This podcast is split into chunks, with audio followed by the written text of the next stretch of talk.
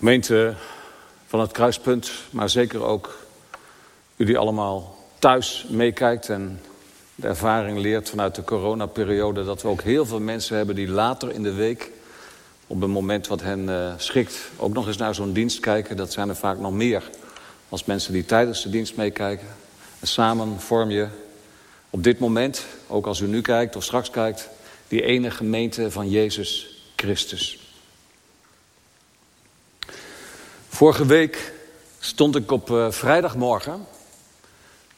precies om negen uur... voor de deur van de juwelierswinkel in ons dorp. We hebben maar één juwelierswinkel, klein dorp. Ik stond er om negen uur, want ik wilde echt exact op tijd zijn... Want niks zo erg als dat je bij een juwelier komt en er zijn nog een paar mensen voor je. En zeker als het uh, mensen zijn die sieraden willen uitzoeken, dat duurt allemaal eindeloos. Dus ik dacht, ik zorg dat ik op tijd ben. Maar de goede man, de juwelier, die kwam pas een paar minuten over negen aan. Hij had in de file gestaan, hij kwam aangereest. Hij wilde zijn auto naast de zaak parkeren, maar dat lukte niet, want daar stond een kraanwagen.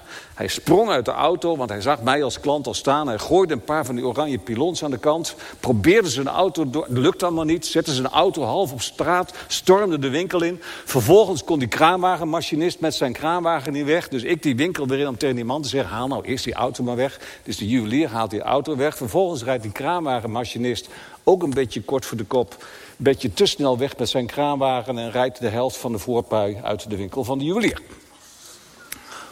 Vrijdagmorgen, 9 uur bij ons in het dorp.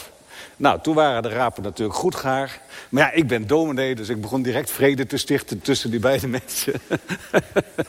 het duurde even voordat ik eindelijk uh, natuurlijk uh, geholpen werd. Maar de heer hebben met elkaar weer verzoening gesticht en de verzekering dekt de schade. En mocht je je nou afvragen waarom was die dominee dan bij de juwelier? Nou, dat zat zo. Mijn vrouw was twee dagen later jarig en die wou graag een zilveren armband, dus die was er ook bij. Nou, dat is niet gelukt, want ze vond ze niet mooi. Dus we zijn onverrichte zaken uiteindelijk ook nog weer naar huis gegaan. Dat is ook nog wel weer ernstig afloop van dit verhaal. Maar ik gebruik dit kleine, mini-mini voorbeeld uit het dagelijks leven... om je te laten zien hoe problemen in de wereld kunnen ontstaan. Want het begint vaak heel klein, maar voordat je het weet, eindigt het heel groot. Kijk, kijk, Poetin, die is ook echt niet in één keer die oorlog met de Oekraïne en met inmiddels vervolgens het halve Westen begonnen. Echt niet. Daar zijn jarenlang aan vooraf gegaan van kleine irritaties. Van wereldleiders die elkaar niet meer konden of niet wilden begrijpen van gedoe, van afspraken niet nakomen, van andere interpretaties. Nou ja, en dan eindig je dus met de barre ellende waarin wij nu met elkaar op het Europese continent verzeild zijn geraakt. En Psalm 31, die psalm die ik jullie las in drie delen, die gaat eigenlijk over dat soort ellende. Ik noteer woorden als ellende, de nood van mijn ziel, mijn ogen gezwollen van verdriet. Er staat, ik verkwijn, mijn krachten slinken, mijn botten teren weg. Ik ben als een dode, gebroken aardewerk. Het gaat over roddelende buren die je uitlachen. Het gaat over mijn vijanden en mijn vervolgers. En ik ben hier, uh, zei ik al vanochtend voor het eerst. En ik sta in den landen, geloof ik, bekend als een redelijk vrolijke dominee. En dat ben ik ook. Dus ik snap best dat u bij zichzelf denkt... Uh, tjonge, wat een uh, moeilijke woorden. Wat een moeilijke woorden vanochtend. En daarom ga ik deze psalm uitleggen aan, de hand van uh, drie woorden. En ik hoop eerlijk gezegd dat u daarna, dan daarna alsnog dansend deze kerk zult verlaten. Want weet je, ik hoor jongeren...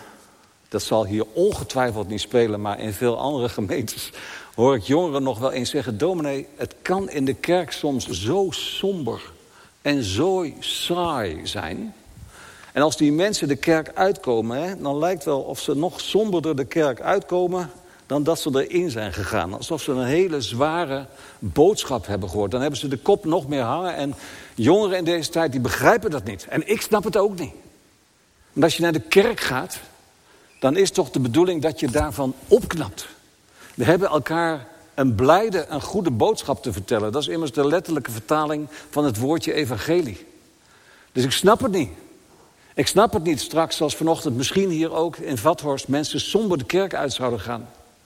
En ik hoop echt dat u straks dansend door de straten van Vathorst en van Amersfoort en van Nijkerk en van Leuzen zult gaan.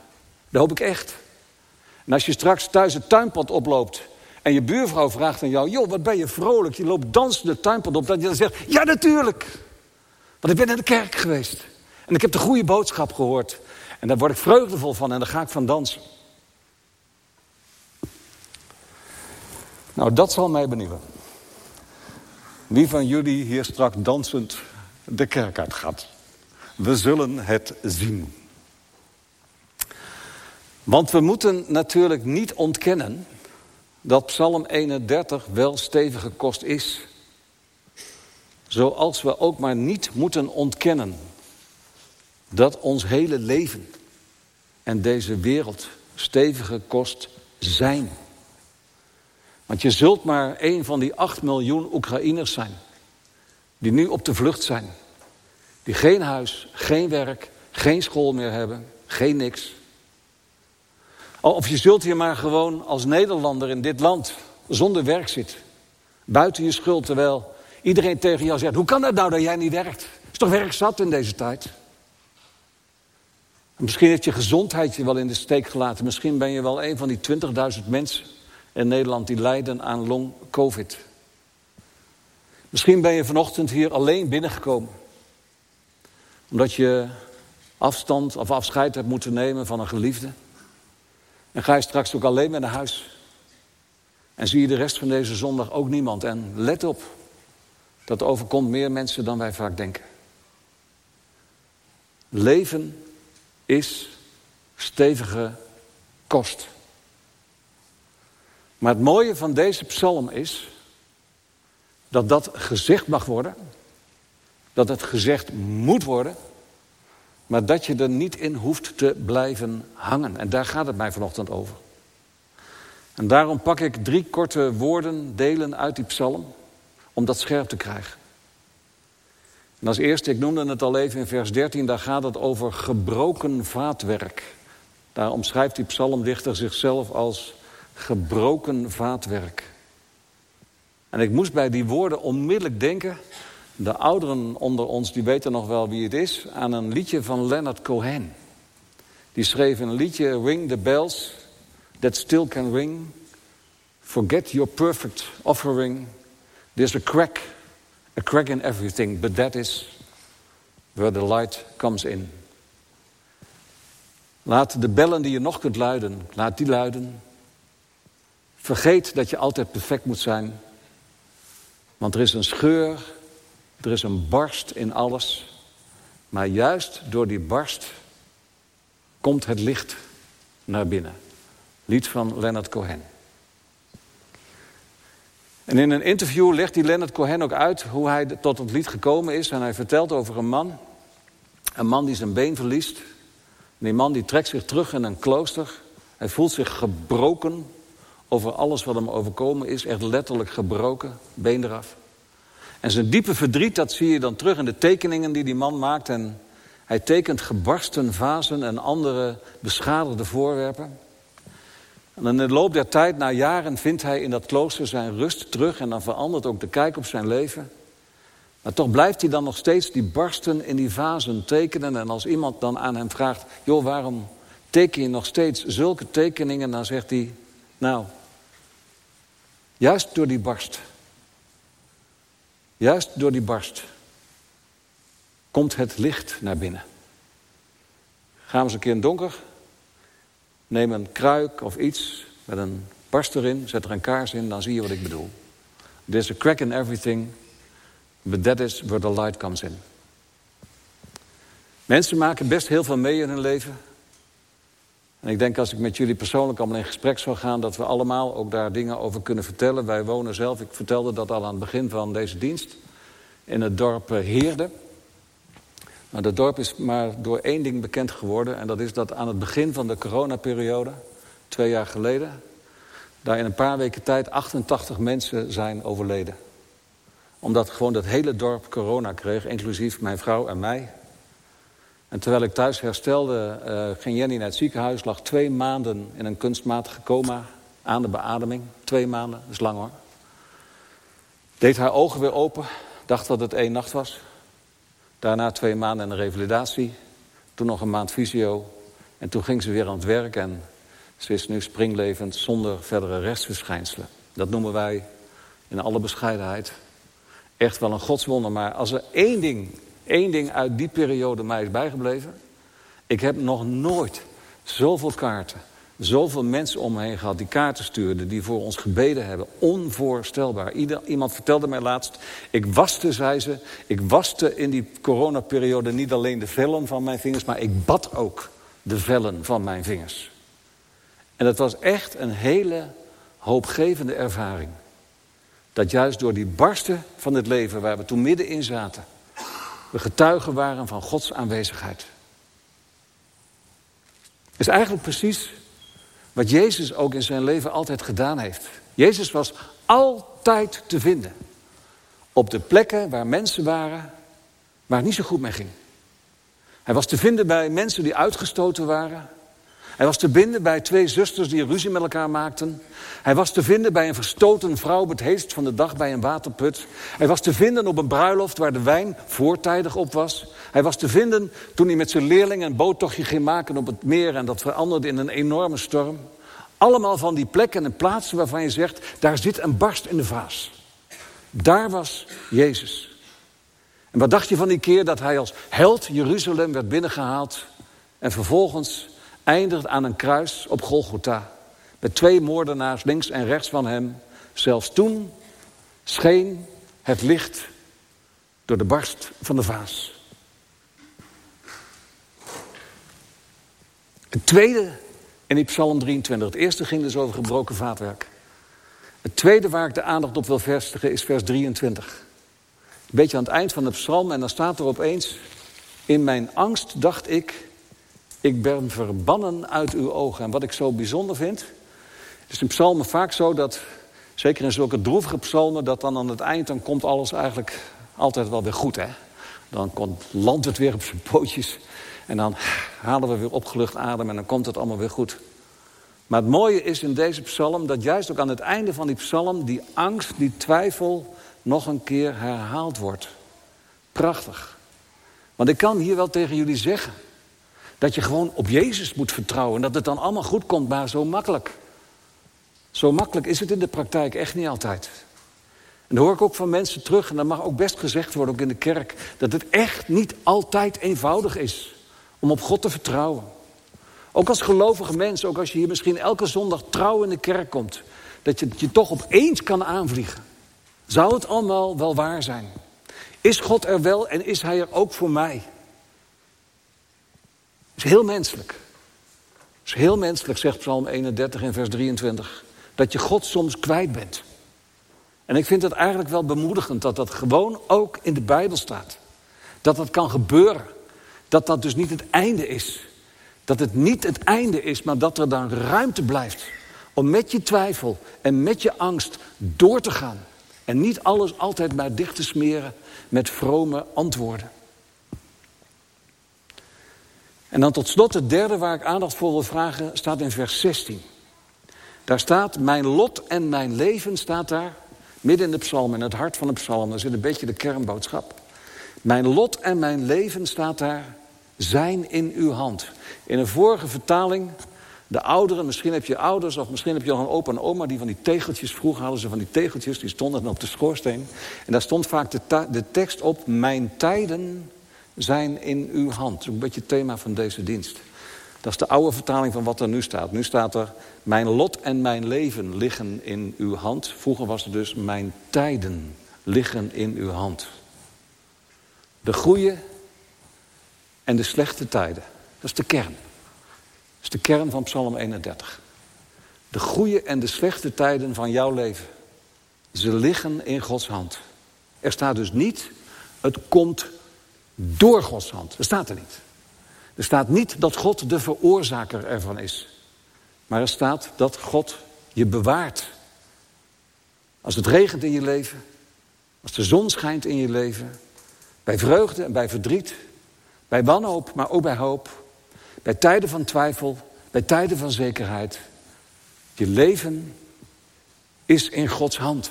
Dat is de kern. Dat is de kern van wat ik vanochtend tegen jullie wil zeggen. Jouw tijden, alle tijden van jou en mijn leven, ze zijn in Gods hand.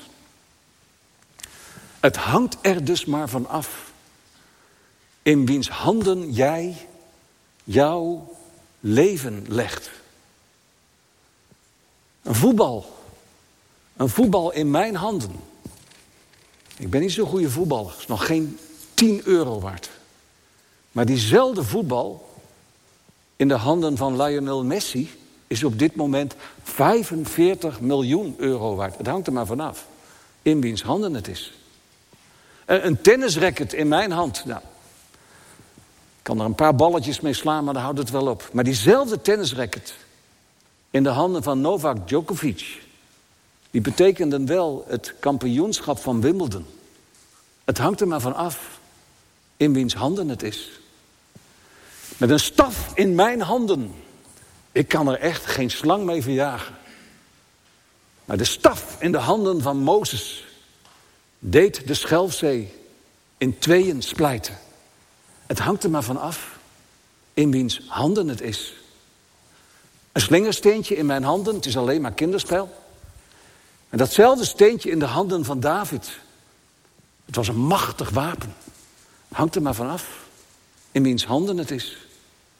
Twee vissen, vijf broodjes. Dat is voor ons gezin hooguit de lunch voor vanmiddag.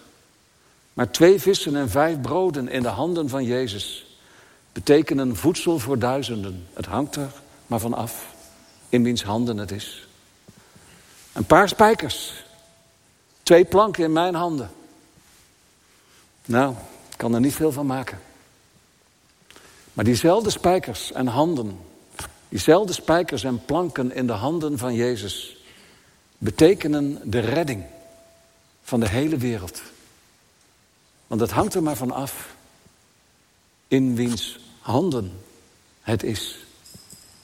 Dus of jij nou gelovig bent, of halfgelovig, of een twijfelaar, of je gebukt gaat onder veel zorgen, of dat je hier gewoon met een hartstikke dankbaar gevoel zit, leg je zorgen, leg je angsten, leg je hoop, leg je hele leven in zijn handen. Want het hangt er maar van af in wiens handen je bent. Nog één keer terug naar het voorval van vrijdagmorgen bij de juwelier in dat Veluwse dorp. Uiteindelijk stichten de beide heren vrede. Ze gaven elkaar een hand in het vertrouwen dat de verzekering de zaak wel zou afhandelen. Nou, dat vertrouwen op zo'n verzekering kennen wij hier ook. Alleen heet die dan wat anders. Want die verzekering die heet hier vertrouwen. Dat alle tijden van ons leven in Gods handen zijn. En daar word ik heel blij van. En dan gaan we straks dansend de straat op. Halleluja. Amen. Zullen we samen bidden?